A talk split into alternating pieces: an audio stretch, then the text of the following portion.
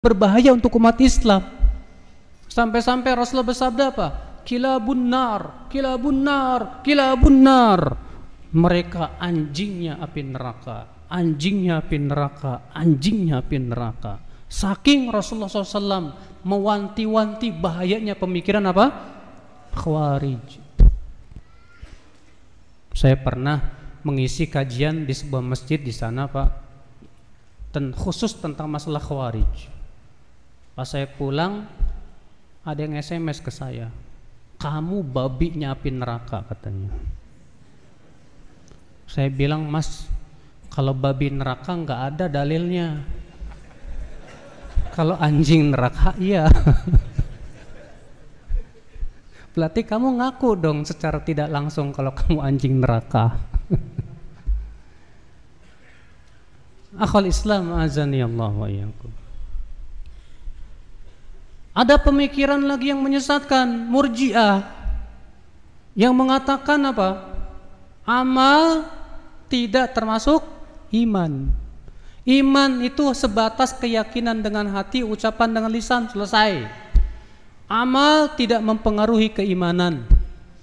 Yang penting kamu mengucapkan syahadat, kamu sudah yakin, kamu berbuat maksiat sebanyak apa pun, imanmu tetap sempurna. Nah ini keyakinan apa? Murjiah. Ada di zaman sekarang banyak. Itu yang orang yang suka bilang begitu. Saya walaupun nggak pakai jilbab, tapi hati saya dijilbabin loh. Ini murjiah, Pak. Saya ada orang pergi ke dukun. Pas ditanya, "Kamu kenapa pergi ke dukun?" Kan ini syariat doang. Yang penting kan niatnya. Loh kok yang penting niatnya gimana? Tidak bisa. Ini syubhat pemikiran. Ya. Ada orang terkena pemikiran Syiah. Mengatakan para sahabat kafir, Abu Bakar kafir, Umar kafir, Uthman kafir, Aisyah kafir dan yang lainnya. Terkena penyakit apa? Syubhat. Dan penyakit syubhat ini Pak, sudah Rasulullah kabar Allah alaihi wasallam. Kata Rasulullah SAW satakunu fitanun kaqita'il lail. Yusbihur rajulu mu'minan wa yumsi kafiran. Wa yumsi mu'minan wa yusbihu kafiran. Akan muncul fitnah fitnah yang dahsyat yang gelap seperti gelapnya malam di waktu pagi seseorang muslim, di waktu sore sudah kafir. Di waktu sore dia muslim, di waktu paginya apa? Kafir. Kata para ulama, ini yang dimaksud oleh Rasulullah, yang dimaksud fitnah di sini fitnah syubhat. Bayangkan di waktu pagi masih apa? Muslim, masih mukmin, terkena penyakit syubhat, sorenya kafir. Sorenya masih mukmin, muslim. Kena penyakit syubhat. Paginya kafir. Al Hasan Al Basri ketika menafsirkan hadis ini beliau memberikan contoh. Kata beliau apa? Paginya masih mengharamkan darah seorang muslim. Sorenya sudah kena penyakit syubhat menghalalkan darah seorang muslim. Saudaraku sekalian, hati-hati dengan penyakit syubhat ini. Kenapa seseorang banyak terkena penyakit syubhat, Pak? Banyak faktor. Faktor yang pertama, hidayah irsyadnya kurang. Ilmunya apa? Kurang. Karena ilmunya kurang, sehingga tidak bisa menangkal syubhat, tidak bisa menolak syubhat. Ilmunya dangkal. Sudah dangkal ilmunya, nuntut ilmunya males. Sudah begitu merasa dirinya pinter.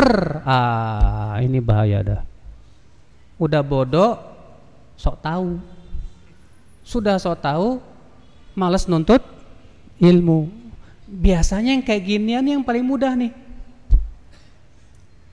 Diajarin merasa dirinya pinter La haula wala quwata illa billah.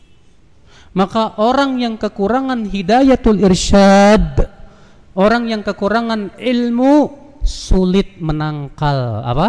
syubhat. Karena kalau antum kurang ilmu, antum tidak bisa membedakan mana penafsiran yang benar, mana penafsiran yang salah.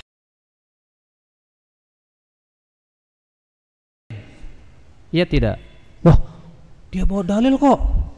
Ada Al-Qur'annya, ada hadisnya. Wah, berarti dia benar. Padahal penafsirannya belum tentu benar, Pak. Wallah. Sekarang, Pak, hatta orang liberal pun bawa dalil dari Al-Qur'an dan hadis. Apakah setiap orang yang membawakan dalil Al-Quran dan hadis pemahamannya benar? Belum tentu. Maka orang-orang yang dangkal keilmuannya, Pak, biasanya sangat mudah sekali dan inilah, Pak, ya, sangat mudah untuk dimangsa oleh serigala-serigala lapar itu. Makanya kalau kita ingin selamat dari apa penyakit syubhat ini, kencengin nuntut ilmunya. Lebih rajin lagi menggali, menggali, menggali, menggali, menggali. Duduk di majlis para ulama, sering bertanya kepada para ahli ilmu. Kalau ada sesuatu yang mengganjal di hati, jangan dijawab dengan pikiran sendiri, tapi segera nanya. Allah berfirman apa? Fas'alu ahla dzikri in kuntum la ta'lamun. Tanya ahlinya kalau kamu tidak tahu. Banyak terkadang di antara kita menyimpulkan sendiri. Ini yang bahaya. Di dunia maya sana, Pak. Tahu kan dunia maya? Banyak orang-orang yang sebetulnya kucing tapi merasa singa. Kalau ngomong masalah agama kayak ulama. Padahal bahasa Arab kagak bisa. Iya. Ilmu alat boro-boro belajar. Baru belajar Arba'in Nawawiyah kemarin. Tapi ngomongnya di Facebook, ampun dah menurut pendapat saya, wish siapa ente menurut pendapat ente? La ilaha illallah. Ulama besar. J ya ini siluman, Pak. Kejadian tiba-tiba ada. Ya. Gelarnya LC ya, Pak, langsung ceramah.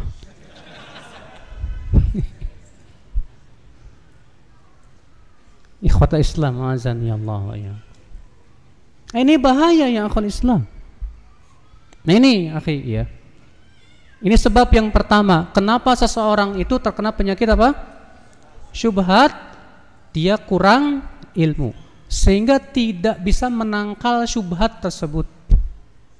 Udah begitu didukung dengan kaidah yang bikin dia terpleset juga. Ambil baiknya, buang buruknya dah. Banyak nggak yang kayak ginian, Pak?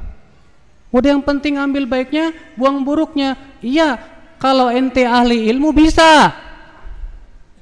Ya tidak? Nih. Kamu bisa nggak menentukan ini bangunan bagus atau tidak? Bisa tidak? Tidak bisa, Pak. Kalau bukan ahli bangunan, sebatas ngelihat bentuknya yang bagus selesai. Bagus ya, tapi ahli bangunan tahu ini pekerjaan profesional atau bukan? Tahu, Pak. Antum tahu dari mana baju ini jahitannya bagus apa tidak? Kalau bukan antum orang yang profesional, antum tidak akan bisa membedakan. Hanya orang-orang yang punya keahlian dan ilmu yang dalam yang bisa menilai itu. Nah ini baru nuntut ilmu, baru hijrah kemarin, udah bilang apa? Ambil baiknya, buang buruknya. Udah, akhirnya apa? Ngaji ke mana-mana kena syubhat. Udah kena syubhat nggak bisa menangkal karena ilmunya apa? Dangkal. Kalas. Terkena aris pemikiran. Makanya akhi, Anda yang baru-baru nuntut ilmu nggak apa-apa, selektif dulu.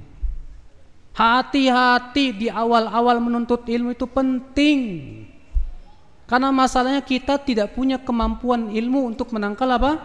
Syubhat pemikiran. Maka tidak apa-apa kita pilih-pilih dulu. Ini saya mau ngaji ke ustadz ini, ini bukan karena saya mau menyesatkan, tidak. Tapi saya ingin keselamatan agama saya. Makanya Rasulullah SAW sabda apa Pak? Inna min asyratis sa'ah an yultamasal ilmu indal asagir. Di antara tanda hari kiamat, ilmu itu diambil dari siapa? Al-asagir. Siapa al-asagir? Abdullah bin Mubarak perawi hadis itu menafsirkan yaitu orang-orang yang menyimpang pemikirannya, ahlul bidah. Ikhwatal Islam azan ya Allah wa Penyakit syubhatnya berat, Pak. Antum duduk di majelisnya orang liberal. Orang liberal tuh pinter ngomong, Pak. Ya. Metik dalil, kemudian dipoles-poles dengan ucapan-ucapan yang indah. Karena ilmu antum kurang akhirnya bilang apa? Benar juga ya. Nah masuk nggak syubhatnya pak? Masuk. Ya nah ini akal Islam azan ya Allah wa yakum maka ini dua penyakit saudaraku yang menyebabkan hidayah kita bisa hilang penyakit yang pertama apa tadi syahwat penyakit yang kedua apa syubuhat. Dan inilah dua penyakit yang menimpa si Bal'am tadi. Di mana si Bal'am Allah kisahkan sudah diberikan oleh Allah ilmu yang kuat, kokoh. Ilmunya sudah hebat, Pak. Di zaman ini pernah ada, Pak. Ya. Seorang di, di Arab Saudi sana, saya diceritakan oleh seorang syekh kepada saya. Dulu ada saya namanya siapa lupa dia hafal kutubus sitah dengan sanadnya hafal Sahih Bukhari, Muslim, Abu Daud, Tirmidzi, Nasai Fakana ayah fil hifad dan dia luar biasa dalam hafalannya Pak. Rupanya Pak dia tertipu dengan kecerdasannya. Akhirnya apa? Dia coba-coba ingin membaca kitab-kitab filsafat ingin kayak Ibnu Taimiyah. Rupanya apa yang terjadi? Terjerembab dalam ilmu filsafat. Lama-lama murtad dari agama Islam. Dan ternyata ia wafat di atas ateis. Padahal sudah hafal kutubus sita. Hati-hati itu. Hati-hati makanya saudaraku sekalian. Jangan merasa kita ini ilmunya sudah hebat. Kemudian ter apa? tertipu dengan kecerdasan dan keilmuan kita. Insya Allah saya tidak akan kena syubhat. Kata siapa? Imam Ahmad bin Hambal. Tahu nggak Imam Ahmad bin Hambal? Antum tahu nggak? Imam Ahmad bin Hambal hafal berapa juta hadis? Hah? Satu juta hadis dengan sanatnya loh. Satu juta hadis beliau hafal. Tapi beliau kalau melewati majlisnya kaum Mu'tazilah ditutup telinganya. Dan berkata kepada anaknya, "Hai anakku, tutup telingamu." Kemudian anaknya berkata, apa Imam Ahmad berkata, sesungguhnya hati kita lemah sementara syubhat itu menyambar-nyambar. Iya. Sementara kita telinga kita kita buka ke semuanya, bukain. Kalau Imam Ahmad hafal satu juta hadis ditutup dari majelis yang sudah jelas ketahuan itu mu'tazilahnya. Sedangkan kita sok tahu, ah penasaran. Nah, dari kata penasaran itu lama-lama akhirnya tertarik. Hati-hati saudaraku sekalian. Nah ini dua penyakit ya akhi yang bisa menyebabkan hidayah bisa apa? Hilang. Penyakit pertama apa? Syubhat. Yang kedua apa? Syahwat. Kemudian saudara-saudaraku sekalian ikhwata Islam azan ya Allah wa yakum. Dari penyakit syahwat ini muncul penyakit-penyakit yang mengerikan. Yang menyebabkan seseorang bisa terhalang dari hidayah. Apa itu yang pertama? Sombong. Apa itu? Sombong, Mbak. Sombong dengan apa? Dengan kedudukan. Seperti Fir'aun. Bersombong dengan kedudukannya. Sehingga karena dia sombong di muka bumi, dia memproklamirkan bahwa dirinya Tuhan. Fir'aun berkata, Ana rabbukumul a'la. Aku Tuhan kalian yang paling tinggi. Kesombongan Fir'aun ini dibalas oleh Allah subhanahu wa ta'ala. Padahal Fir'aun yakin Nabi Musa itu benar Pak. Berbagai macam mukjizat yang Allah berikan kepada Nabi Musa untuk menegakkan kebenaran kepada Fir'aun dan Fir'aun yakin bahwa Fir Nabi Musa itu benar. Allah berfirman, "Wajahadu biha wastaiqanatha anfusuhum dzulma wa 'uluwa." Mereka mengingkari risalah Nabi Musa sementara hati mereka yakin akan kebenaran Nabi Musa. Tapi sombong yang membuat Fir'aun tidak mau ikut Nabi Musa. Akibatnya apa? Allah adab dia. Heraklius ketika dialog dengan siapa? Abu Sufyan. Mas, mas, mas bangun, bangun. Nah, udah baca doa enggak tadi? Doa tidur apa? Akhul Islam azani Allah. Heraklius bertanya kepada Abu, Abu Sufyan sebagaimana Imam Bukhari meriwayatkan dalam sahihnya di hadis nomor 7. Banyak pertanyaan yang dilontarkan oleh Heraklius kepada Abu Sufyan. Setelah itu Abu Sufyan Heraklius berkata apa? Sungguh aku yakin bahwa itu nabi. Kalaulah aku bisa bertemu dengan dia, latajashamtu liqa'ah Aku akan agungkan pertemuanku dengan dia. Aku akan cium kaki dia. Subhanallah sampai demikian Heraklius. Tapi Heraklius masuk Islam nggak pak? Nggak masuk Islam karena takut kehilangan kedu kedudukan. Syahwat bukan? Syahwat. Takut kehilangan kedudukan. Akhirnya Heraklius nggak mau masuk Islam. Padahal tahu, yakin bahwa Nabi Muhammad itu seorang nabi yang harus diikuti. Akhul Islam azani Allah Bayangkan demi mempertahankan tahta dia rela untuk masuk ke dalam api neraka. Akhul Islam azani Allah. Nah ini penyakit yang pertama sombong. Penyakit yang kedua apa? Yang menyebabkan seseorang terhalang dari banyak hidayah dengki. Apa itu? Dengki. Antum tahu di antara sebab orang Yahudi tidak mau beriman kepada Rasulullah apa? Dengki. Allah yang mengatakan begitu dalam Al-Qur'an. Allah mengatakan hasadan min indi anfusihim. Akibat kedengkian yang ada pada diri mereka. Mereka dengki kenapa nabi yang terakhir itu ternyata bukan dari kalangan Banu Israel ternyata dari Banu Ismail. Mereka dengki nggak mau. Abu Jahal kenapa Abu Jahal nggak mau beriman kepada Rasulullah padahal Abu Jahal yakin Rasulullah itu benar? Dalam satu riwayat disebutkan Abu Jahal berkata iya karena aku merasa dengki ternyata Nabi itu berasal dari Banu Abdul Muttalib bukan dari kabilah dia kenapa? karena deng dengki. Iblis nggak mau sujud kepada Adam gara-gara apa pak? Dengki. Ternyata Adam diberikan oleh Allah kelebihan dibandingkan ib iblis. Sebelum Adam ada, iblis yang paling mantep. Iblis diberikan ke, apa kelebihan oleh Allah. Memang biasa ya pak ya. Kalau di suatu tempat ada orang hebat, tahu-tahu datang saingan. Nah, suka dengki. Ada ustadz misalnya sudah duluan di suatu tempat. Datang ustadz yang lainnya ternyata kajiannya lebih banyak. Lama-lama dengki. Ya. Hal itu sama terjadi seperti di zaman dahulu, dengki akhirnya.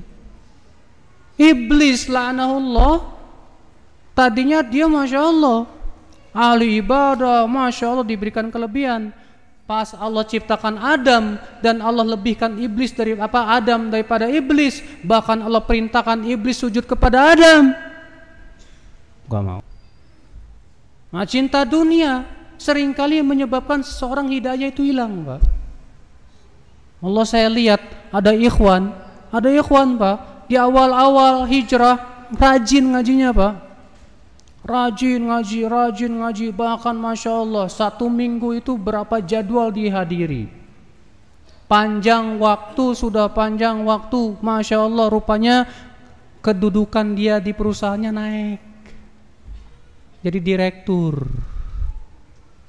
Akhirnya apa yang terjadi Pak? La ilaha illallah. Sekarang ikhwan itu sudah jarang kelihatan hadir. Alasannya apa? Sibuk Sibuk ngapain?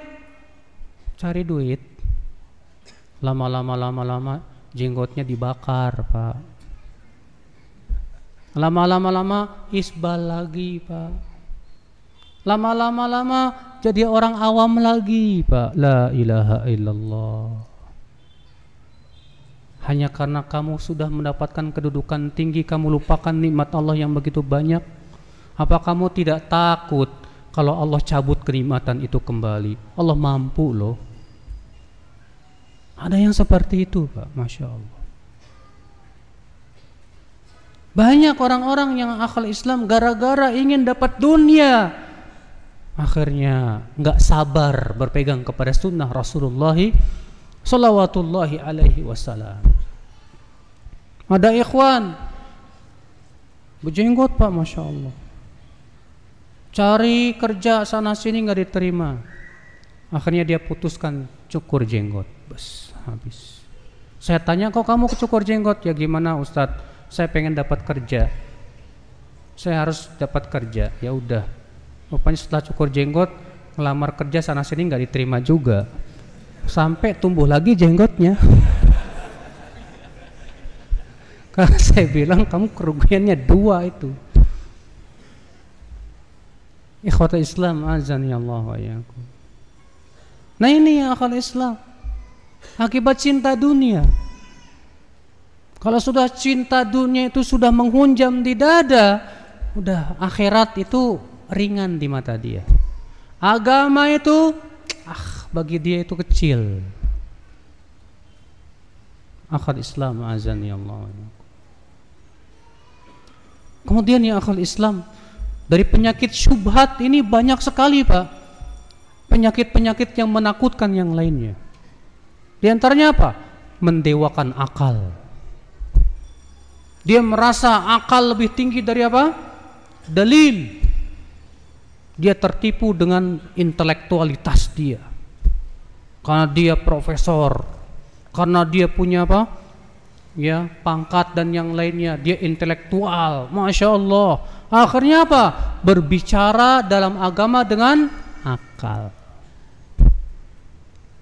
Wallahi Pak kalau kita sudah berani berbicara dalam agama dengan akal itu pertanda kita akan tersesat jalan. Wallah makanya Al-Imam Al-Barbahari berkata apa Inna hadzal din lam yudhu ala ukuli rijal. Agama ini tidak diletakkan pada akal manusia, tidak. Tapi agama ini berdasarkan pada apa? Wahyu dari pencipta alam semesta. Rasulullah aja nggak berani pak. Rasulullah pernah ditanya oleh seorang sahabat nggak berani jawab sampai menunggu wahyu dulu. Dalam satu riwayat Imam Ahmad disebutkan ada seorang datang ke Rasulullah dan berkata, "Ya Rasulullah, manakah bagian bumi yang paling dicintai oleh Allah?" Kata Rasulullah, "Apa? Aku nggak tahu. Coba saya mau tanya kepada Jibril dulu." Jibril jawab apa? Nggak tahu. Saya tanya Allah dulu. Sementara kita sok taunya minta ampun. Ya. Rasulullah pernah ditanya oleh seorang sahabat waktu itu sedang haji. Ya. Di mana ia kutunya banyak banget Bagaimana Rasulullah? Boleh tidak saya cukur? Rasulullah diam saja sampai akhirnya diberikan wahyu. Setelah dapat wahyu dipanggil, mana tadi yang bertanya? Aku ya Rasulullah, silakan kamu cukur dan wajib bayar dam. Rasulullah nggak berani jawab. Sementara kita, kalau Rasulullah aja nggak berani jawab, masa kita berani jawab? Kalau Rasulullah saja tidak berani berbicara dalam agama dengan rokyunya, masa kita berani berbicara dengan dalam agama dengan rokyu kita, dengan akal kita? La ilaha illallah. Siapa kita ya? Makanya ya akal Islam, Allah menyebutkan tentang orang-orang yang paling merugi amalnya yang kayak gini nih Pak. Dalam surat Al-Kahfi Allah mengatakan apa? Qul hal unabbiukum bil akhsarina a'mala alladzina dhalla sa'yuhum fil hayatid dunya wa hum yahsabuna annahum yuhsinuna sun'a. Katakan, maukah aku beritahu kepada kamu tentang orang yang paling merugi amalnya? Tuh lihat. Yang paling merugi siapa? amalnya. Siapa dia? Yaitu orang yang tersesat usahanya di dunia ini sementara ia mengira telah berbuat baik sebaik-baiknya. Pak, dia sudah tersesat tapi mengira di atas kebaikan. Kenapa? Karena agamanya dia berdasarkan perkiraan ro'yu. Makanya Allah mengatakan dia mengira di atas kebaikan. Berarti dia cara beragamanya apa? Menurut rokyunya aja. Menurut saya sih insya Allah saya benar. Hah? Dalilnya mana? Dalam nggak usah pakai dalil. La ilaha illallah. Bahkan orang yang minta dalil diledek. Apaan kamu dikit-dikit dalil, dikit-dikit dalil. Loh, kalau bukan dari dalil dari Allah dan Rasulnya dari mana lagi? Agama ini milik Allah, Pak. Allah yang mengatakan ala lillahi dinul khalis. Ketahuilah milik Allah agama yang murni ini. Agama yang murni ini milik Allah. Karena agama ini milik Allah berarti harus semuanya berasal dari Allah. Jangan sekali-kali berpikiran dengan akal sendiri. Banyak berapa banyak Pak hadis-hadis yang ditolak hanya karena tidak sesuai dengan apa? Ketika Rasulullah bersabda, Lakinu mautakum la ilaha illallah. Talkinkan mayat kamu dengan ucapan apa? La ilaha illallah. Apa katanya? Jangan kepanjangan. Takutnya pas dia la ilaha mati. Kalau la ilaha artinya apa? Enggak ada Tuhan. Berarti dia matinya ateis dong. Wah ini bahaya. Jadi gimana dong? Ganti aja. Jadi gimana? Allah Allah, Allah. Tuh lihat Pak, dia tolak dalil dengan akal. Sekarang kalau ada mayat yang ingin mengucapkan la ilaha illallah cuma sampai la ilaha la ilaha meninggal kira-kira Allah tahu tidak niatnya dia? Tahu. Ada apa kemudian dia bilang nanti matinya ateis? Emangnya Allah kayak kamu? Allah tahu niat dia bahwa dia akan mengucapkan la ilaha illallah. Jangan Anda tolak dalil hanya dengan akal semata. Talkinkan mayat dengan ucapan apa? La ilaha illallah. Karena itu yang diperintahkan oleh Rasulullah SAW. Ustadz saya mau talkinnya pakai subhanallah. La, tidak boleh. Kenapa? Karena Rasulullah sudah menentukan. Talkinkan mayatmu dengan la ilaha illallah. Karena Rasul sabda, siapa yang akhir ucapannya la ilaha illallah pasti masuk surga. Banyak dalil Pak ditolak gara-gara nggak punya nggak sesuai dengan apa? Akal. Kenapa? Karena ini kena penyakit syubhat. Akal Islam azan ya Allah wa. Ya. Ketika dijelaskan sebuah dalil atau Al-Quran atau hadis Terkadang ada orang berkata begini Nanti kalau gini gimana? Nanti kalau begini bagaimana? Ya gimana gimana? Ya akhi Seorang mukmin itu kalau sudah dengar dalil Wajib berkata apa? Sami'na apa? Selesai Adapun ada permasalahan yang belum dipahami Tanya para ulama Dan jangan memahami dengan pemikiran sendiri Bahaya ya akul Islam Azan ya Allah Nah inilah saudara-saudaraku sekalian. Jadi ya hal-hal yang bisa menyebabkan hidayah itu bisa hilang. Yang paling pokok adalah dua perkara tadi. Yang pertama apa tadi? Syahwat. Dan syahwat itu identik dengan tiga perkara. Apa itu?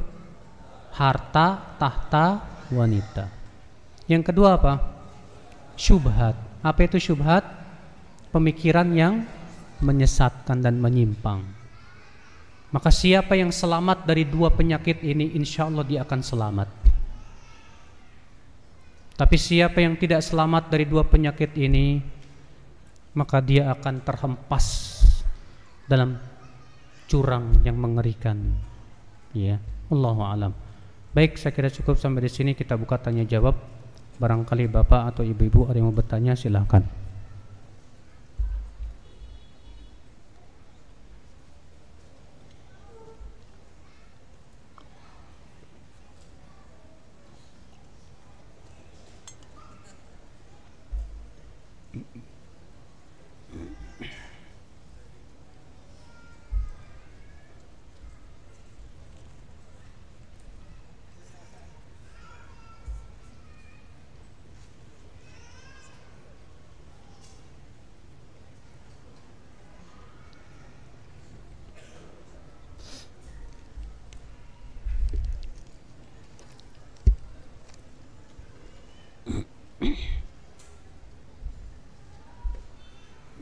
Ini ada sedikit curhat. Mohon beri nasihat kepada kami ikhwan-ikhwan jomblo. Menjadi jomblo. Yang belum dapat restu dari orang tua untuk menikah dengan alasan terlalu muda, belum mapan dan lain-lain. Namun kami sulit untuk menahan syahwat kami, tapi kami sanggup untuk berpuasa pada pagi dan siang.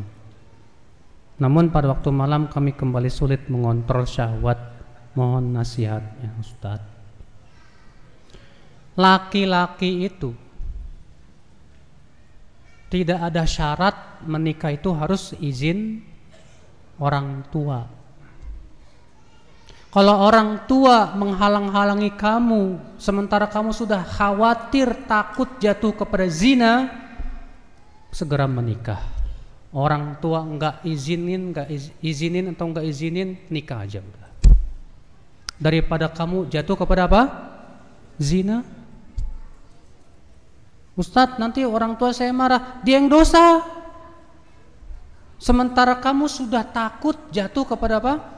Zina. Para ulama berkata, seseorang yang takut jatuh dan khawatir kepada jatuh kepada zina, maka hukum menikah buat dia wajib. Hukum menikah buat dia apa? Wajib. Ya udah, Pak. Saya ini normal, Pak. Saya pengen menikah. Bapak menghalangi saya untuk menikah dengan alasan saya masih kecil padahal saya udah ya gede. Saya sudah balik. Saya belum mapan. Insya Allah pak pernikahan itu memberkahi pak. Nggak usah khawatir. Sampaikan kepada bapakmu begitu. Allah sendiri yang sudah berjanji dalam Al-Quran bahwa orang yang menikah itu insya Allah Allah kaya akan Allah berfirman iyakunu fuqara yughnihimullah min fadli. Jika mereka fakir Allah akan kaya akan dengan karunia-Nya itu nggak usah khawatir Bismillah ya karena ini bahaya di zaman ini yang namanya penyakit syahwat ini luar biasa sekali Pak luar biasa sekali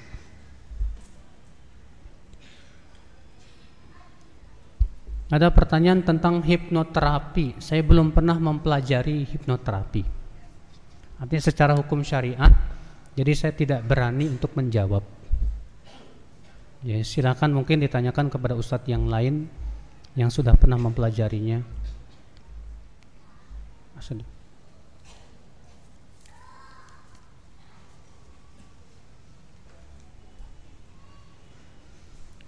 Saya masih dendam dengan suami. Uh, mengerikan. Ini istrinya pendendam rupanya. Bagaimana cara mengobati hati saya, Ustadz? Kami sudah sama-sama ngaji sunnah. Udah sama ngaji sunnah masih pendendam. La ilaha illallah. Ketahuilah ukhti.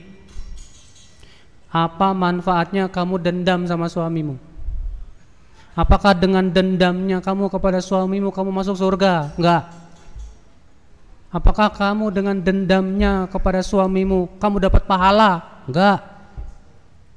Apa manfaatnya kamu menyimpan terus rasa dendam kepada suami?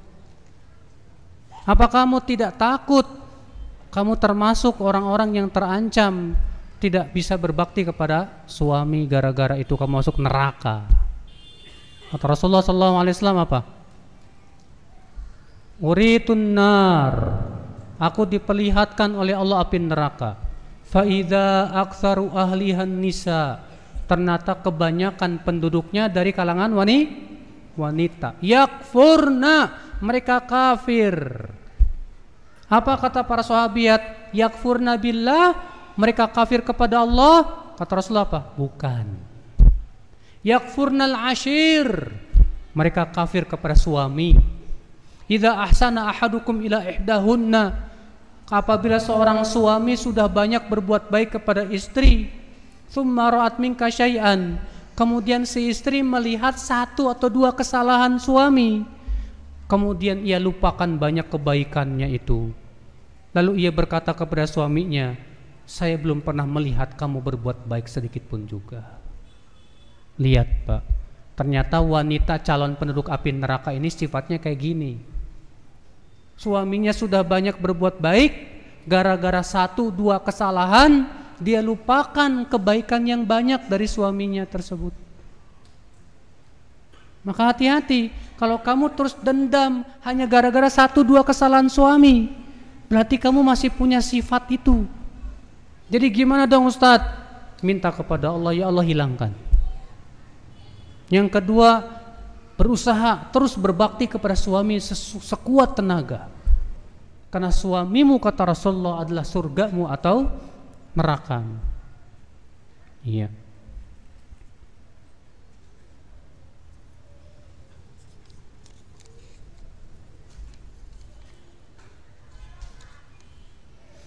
Bagaimana kita menyikapi orang yang terkena fitnah syahwat atau syubhat Ustadz? Apakah kita dibenarkan mentahdir orang tersebut? Akhi, jangan mudah mentahdir. Mentahdir itu ada etika-etikanya dan adab-adabnya. Seharusnya Pak yang kita pikirkan bagaimana dia dapat hidayah.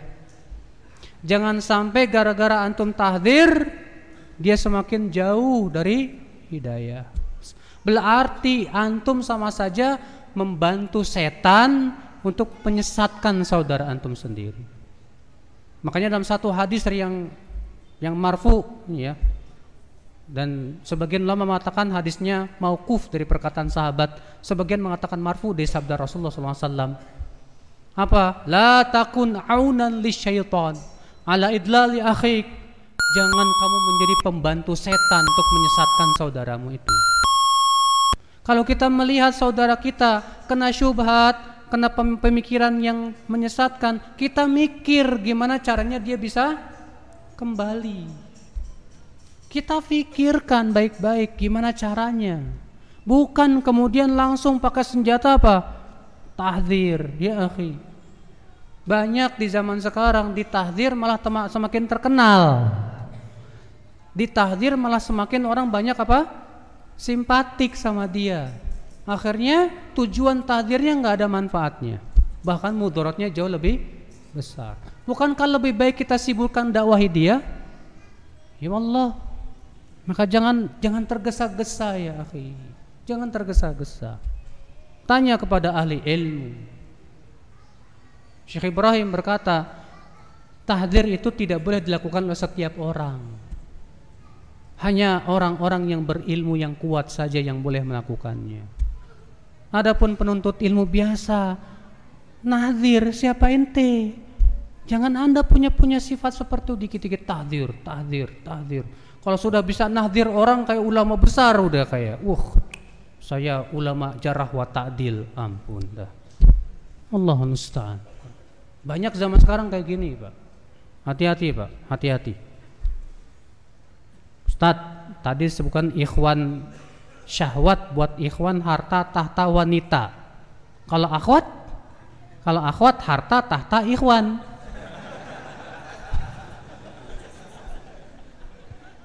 Harta tahta laki-laki.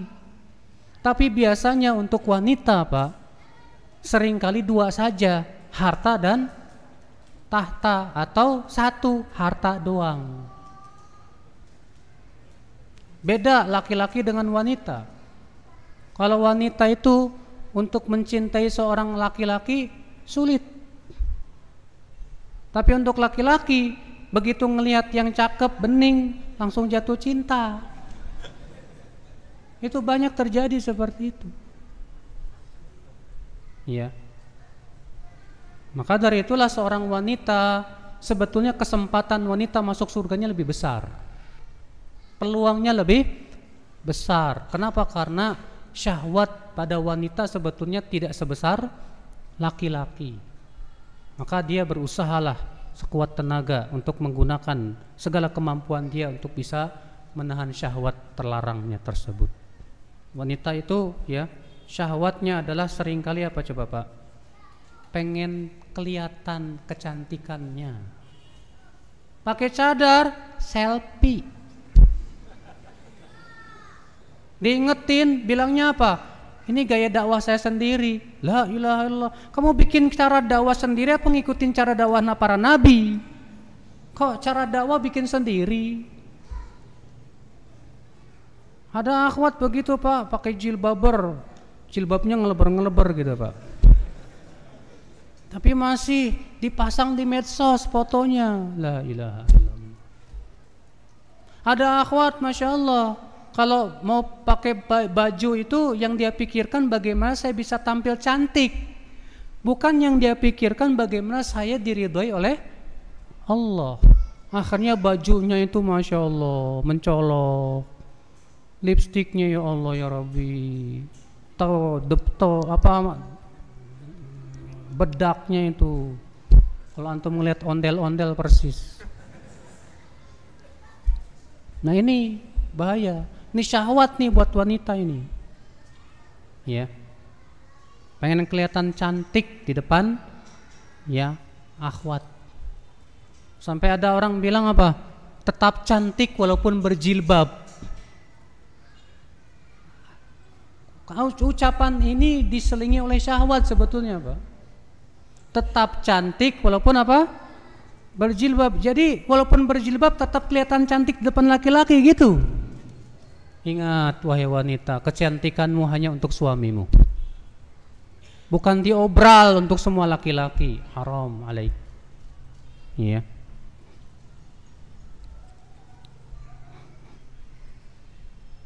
Bagaimana kita menyadari bahwa kita mendapat hidayah? Apa antum selama ini nggak sadar? Kalau gitu saya bangunin. Akhi, kalau hidayah itu Pak, ses, orang dapat hidayah itu bertingkat-tingkat. Ada orang dapat hidayah baru sholat. Ada orang dapat hidayah dalam ibadah, sholatnya bagus. Tapi dalam akidahnya belum dapat hidayah. Ada kayak gitu. Ada orang yang dapat hidayah akidahnya bagus tapi ibadahnya kurang.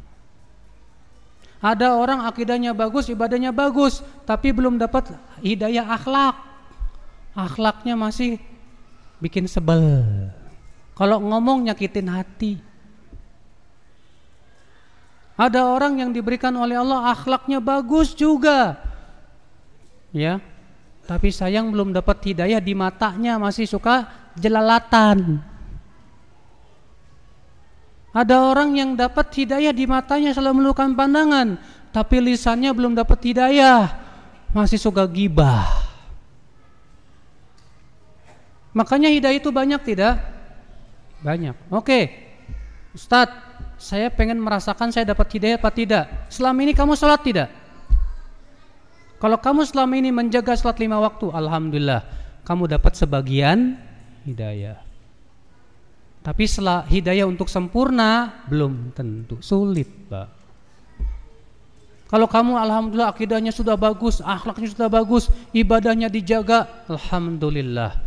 Apa yang telah Allah berikan kepada kamu berupa hidayah, jaga. Jaga baik-baik. Ya. Ada orang bertanya, bagaimana cara Anda tahu ustadz Anda itu mengandung syubhat apa enggak? Pertanyaan bagus. Antum kalau pengen tahu dia tukang ahli jahit, ahli jahit atau tidak, nanyanya ke siapa? Hah? Ke tukang bas? Salah antum. Antum kalau pengen tahu ini dokter bagus apa enggak, jangan nanya ke ustadz Ustaz, itu dokternya bagus apa enggak? Mana saya tahu? Emang saya belajar medis? Kalau antum pengen tahu dia ahli bangunan bagus atau tidak, jangan tanya ke tukang jahit. Itu namanya jaga sembung bogolok kata orang.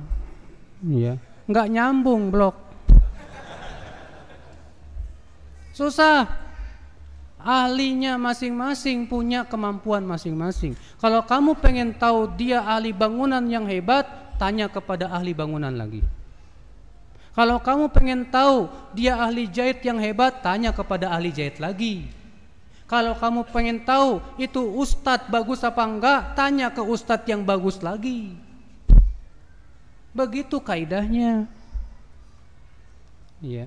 Kenapa? Karena sudah saya sebutkan, orang yang ilmunya masih dangkal belum bisa menilai.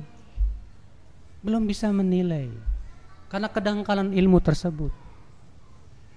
Nah ini yang akal Islam, azan ya Allah ya.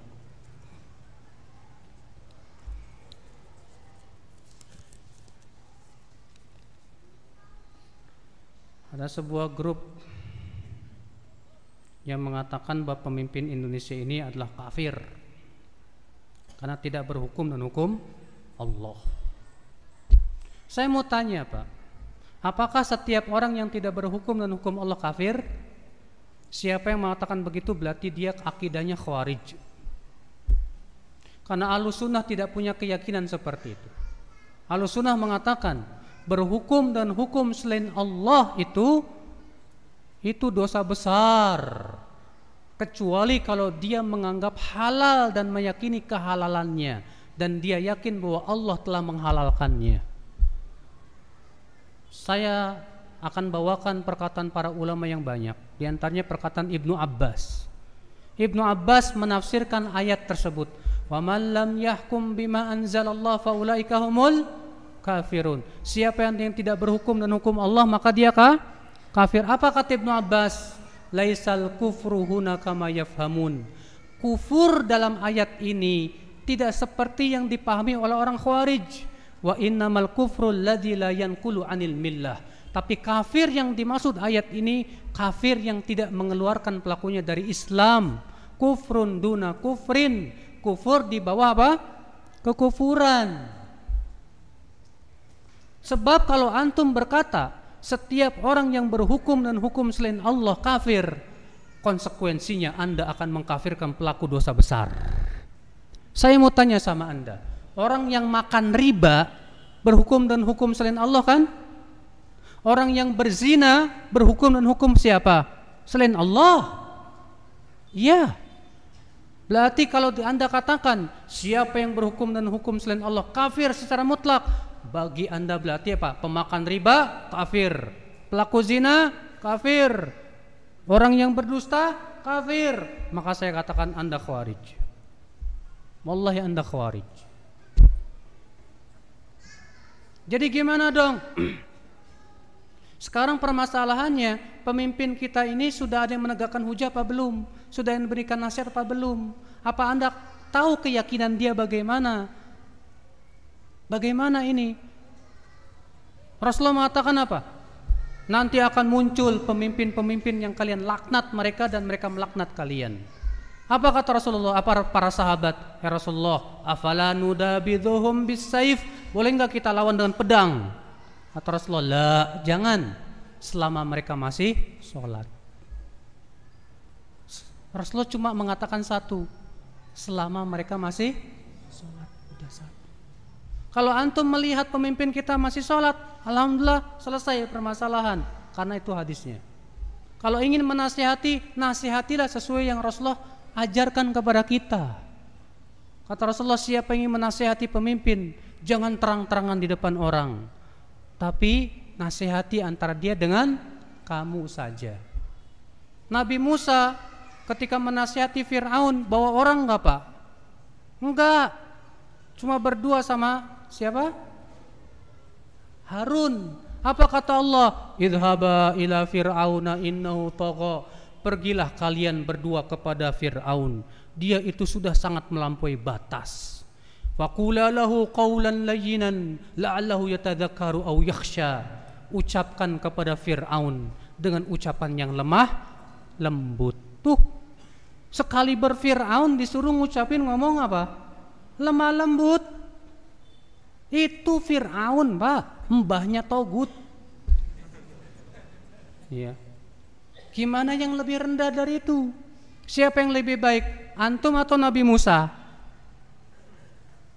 Siapa yang lebih buruk? Pemimpin kita atau Fir'aun? Kalau Nabi Musa yang jauh lebih baik dari kita saja disuruh berlemah lembut kepada Fir'aun yang jauh lebih buruk. Kenapa kita tidak bisa berlemah lembut? Ini yang diajarkan oleh Al-Quranul Karim ya akal Islam azan ya Allah. Kalau anda berkata Ustadz terang-terangan aja nggak diterima apalagi sembunyi-sembunyi. Saya tanya, Nabi Musa waktu itu diterima nggak sama Firaun? Nasihatnya? Enggak. Apakah syarat nasihat itu harus diterima? Enggak. Ketika antum belum berani mengkafirkan ternyata salah di sisi Allah, Allah maafkan kita insya Allah. Tapi kalau kita mengkafirkan dan ternyata salah di sisi Allah, maka ucapan kafir itu kembali kepada diri kita sendiri. Berat ya akhi. Berat. Maka dari itu ya akhi hati-hati. Jangan mudah suka mengkafir-kafirkan. Iya. Karena orang yang boleh mengkafirkan hanyalah para ulama, orang-orang yang kokoh keilmuan mereka. Adapun orang-orang awam, orang-orang yang penuntut ilmu yang ilmunya kurang, Mudah sekali mengatakan kafir, kafir. Ini bahaya ya akal Islam. Hanya merugikan Islam itu sendiri. Wallahi merugikan Islam itu sendiri. Kalau memang kalau di luar Islam seperti orang Nasrani, Yahudi ya memang jelas kafir. Pembicaraan kita adalah tentang seorang muslim yang masih sholat. Ingat loh Pak, saya bicara ini bukan berarti saya setuju dengan kezoliman ya saya bicara bukan berarti saya setuju berhukum dan hukum selain tidak. Saya sedang menjelaskan tentang apa hukum bagi mereka orang yang berhukum dan hukum selain Allah. Ya.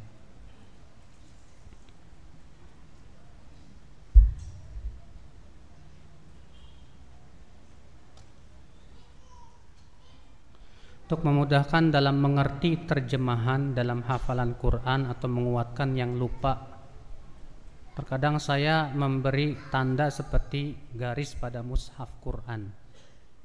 Bagaimanakah batasan menandai mushaf dengan pensil Ustadz? Memang disebutkan oleh sebagian ulama dalam kitab-kitab mereka tentang adab. Seperti Ibnu Jamaah dalam kitab beliau Tadkiratus Sami wal Mutakallim. Demikian pula Ibnu Abdul Bar dan yang lainnya. Memberikan batasan dengan pensil sebagian ulama mengatakan kurang bagus. Jadi kasih batasan itu dengan sesuatu yang kecil aja, seperti apa? Kertas yang di, yang kecil atau yang sebagainya. Atau kan Al-Qur'an terkadang ada pembatasnya, Pak. Maka itu itu lebih bagus. Walaupun memang tidak ada dalil yang melarang, Pak. Tapi adab terhadap Al-Qur'an itu harus betul-betul kita apa? jaga. Iya.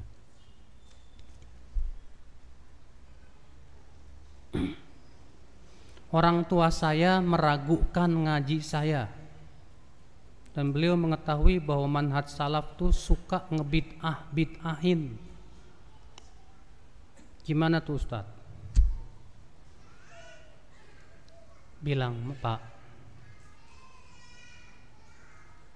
Kata siapa? Manhaj salaf tuh suka ngebid'ah bid'ahin. Kalau bapak bilang itu hati-hati manhaj salaf itu suka ngebit abidahin loh bapak sendiri suka ngebit ahin berarti sama kan?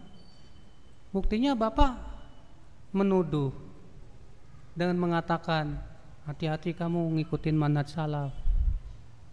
Loh berarti kan kamu juga menuduh kan? Nah balikan lagi kepada bapakmu itu. Pak kalau nuduh orang lain dengan serampangan boleh nggak pak Ya nggak boleh lah nak. Nah, alangkah lebih baiknya bapak tabayun dulu, yuk ngaji dulu yuk. Bapak duduk sekali dua kali di majlis taklim. Kalau bapak menganggap ini benar, alhamdulillah. Kalau ini salah, tolong sampaikan ke ustadznya. Ini salah.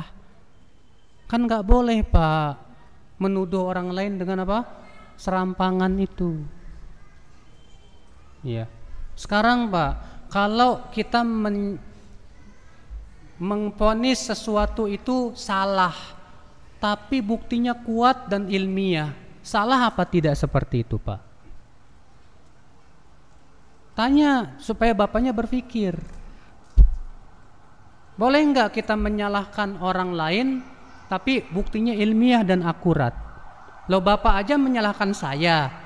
Berarti kan bapak menyalahkan juga dan suka nyalahin orang ya kan maka dari itu coba ya ajak dia berpikir. Ya akhi, ya manhaj salaf itu dalam menyalahkan orang lain itu ilmiah. Bukan sebatas cuma ngebeo atau yang lainnya nggak tahu. Ya. Tapi harus jelas dalilnya, ilmiah, buktinya apa. Jelas sehingga ketika menuduh orang itu berdasarkan bukti-bukti yang akurat dan nyata itu pun juga sedah setelah ditegakkan padanya apa? Hujah dan dalil. Gak sembarangan.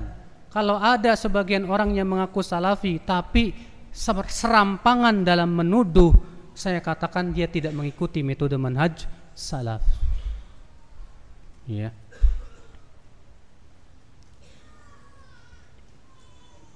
Saya baru saja keluar dari perusahaan yang milik orang kafir.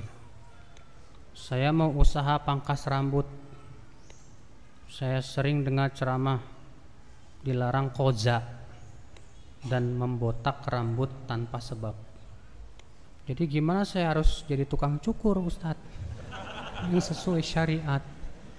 Tulisin di depannya tidak menerima cukur jenggot, tidak menerima koza. Adapun membotak tanpa sebab ikhtilaf para ulama. Sebagian mengatakan makruh alasannya karena tasyabuh dengan orang khawarij. Sebagian mengatakan boleh karena itu perkara yang mu yang mubah. Iya. Dan tidak ada dalil sama sekali yang melarang. Memang Rasulullah ketika menyebutkan tentang tanda orang khawarij di antaranya apa? Mereka suka botak. Cuma masalahnya di Indonesia di negeri kita di dunia sekarang tanda ini sudah tidak ada pak. Bahkan banyak orang khawarij sekarang tuh gondrong-gondrong. Jadi tanda botaknya sudah hilang di zaman sekarang. Jadi kalau mau botak sebatas karena banyak kutu atau apa banyak ketombe dan yang lainnya nggak masalah silakan aja. Jadi ya itu aja. Pokoknya yang dilarang oleh syariat jelas dalilnya itu aja. Kalau ada yang datang pak cukup jenggot aduh pak maaf saya tidak melayani cukur jenggot. Iya. Begitu. Apalagi cukur bulu kemaluan jangan, Pak. Bahaya. Mohon penjelasannya dari Fadilah Amal, pembebasan tanah untuk membangun masjid. Apa keutamanya? Wah, ini besar.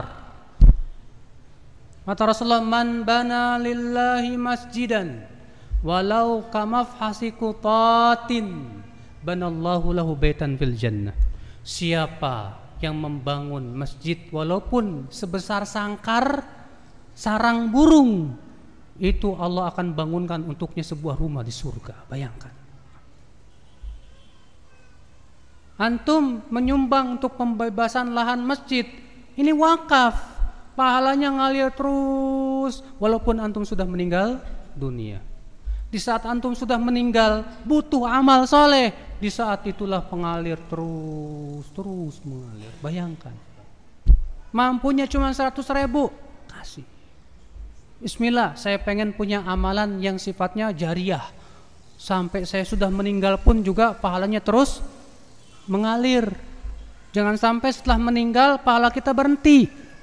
Sebab kita setelah meninggal kita butuh apa? Butuh pahala.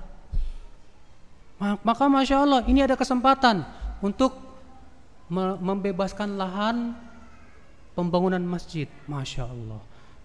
Rogoh kantong cuma 50 ribu, nggak apa-apa. Mudah-mudahan itu akan terus mengalir sampai antum meninggal dunia. Iya. Berlomba-lombalah ya akhi. Karena pahala jariah ini ya harus kita miliki. Jangan sampai kita nggak punya pahala jariah sama sekali. Ada hadiah buku katanya nih yang bisa jawab. Ngobrol ya. Pertanyaan yang pertama, syahwat itu identik dengan tiga apa aja? Syah, ya, nih ambil nih.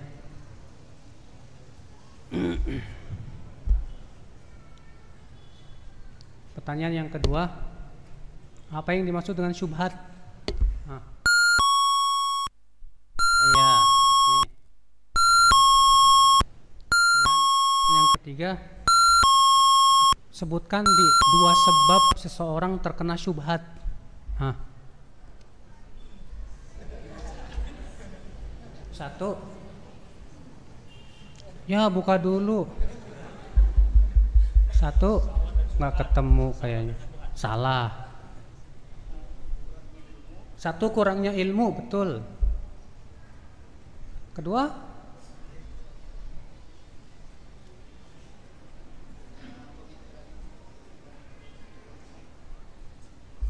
Ah.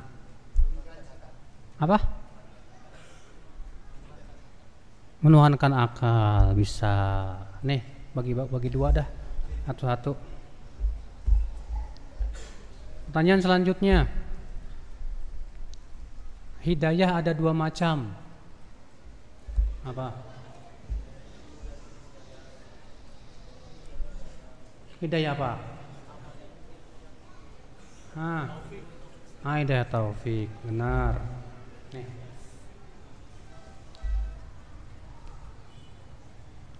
Apa yang menyebabkan hidayah ilmu itu hilang? Nah, Iya. Iya. Ahsan, masya Allah. Nih. Pertanyaan yang ketiga, siapa yang Allah kisahkan dalam surat Al-A'raf ayat 175? Si Bal'am, nih. Masya Allah. Kenapa sebab si Bal'am tersesat?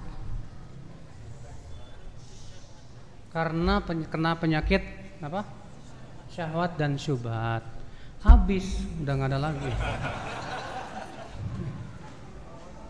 Taib, saya kira cukup sampai di sini. Mudah-mudahan apa yang sampaikan bermanfaat Bapak sekalian. Subhanakallah bihamdik. Asyhadu an la ilaha illa anta astaghfiruka wa atubu ilaik. Wassalamualaikum warahmatullahi wabarakatuh.